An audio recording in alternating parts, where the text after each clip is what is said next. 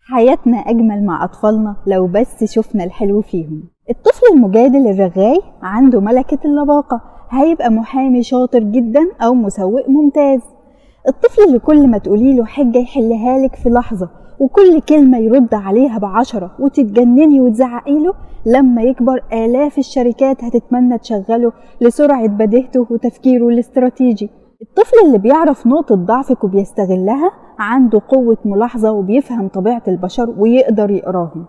الطفل اللي شخصيته قوية وبيرفض يتبع الأوامر ويحب يعمل الحاجة بطريقته الخاصة وبيحب المخاطرة كمان هيكبر ويبدع ويعمل بيزنس ناجح مبتكر وهيشغل عنده الأشخاص اللي كانوا مطيعين في صغرهم ويتبعوا الأوامر وبينفذوها حرفيا وهيبقى مدير عليهم. فأرجوكي استمتعي بطفلك ودايما شوفي إيجابياته حتى لو كانت مرهقة لأعصابك. بدل ما تكسريه وتعلميه يمشي ورا القطيع ويقول حاضر ونعم علميه يعترض ويناقش بأدب واحترام. علميه يشوف الصورة كاملة وما يتسرعش في الحكم. وعلميه يسيطر على أعصابه. علميه يفكر في حلول تناسب كل الأطراف. هتقولي لي أعلمه إزاي؟ صعب. هقولك أنا هاخد بإيدك وأوصلك لبر الأمان إن شاء الله.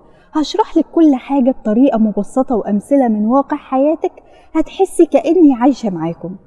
اعملي subscribe وفعلي الجرس والإشعارات هتوصلك لما الحلقات تنزل على القناة إن شاء الله. وأرجوكي شيري الفيديو لكل اللي تعرفيه. يمكن تنقذي طفل وأم ويبقى خير عملتيه.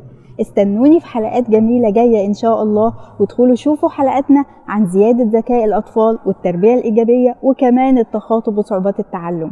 دمتم في صحة وسعادة.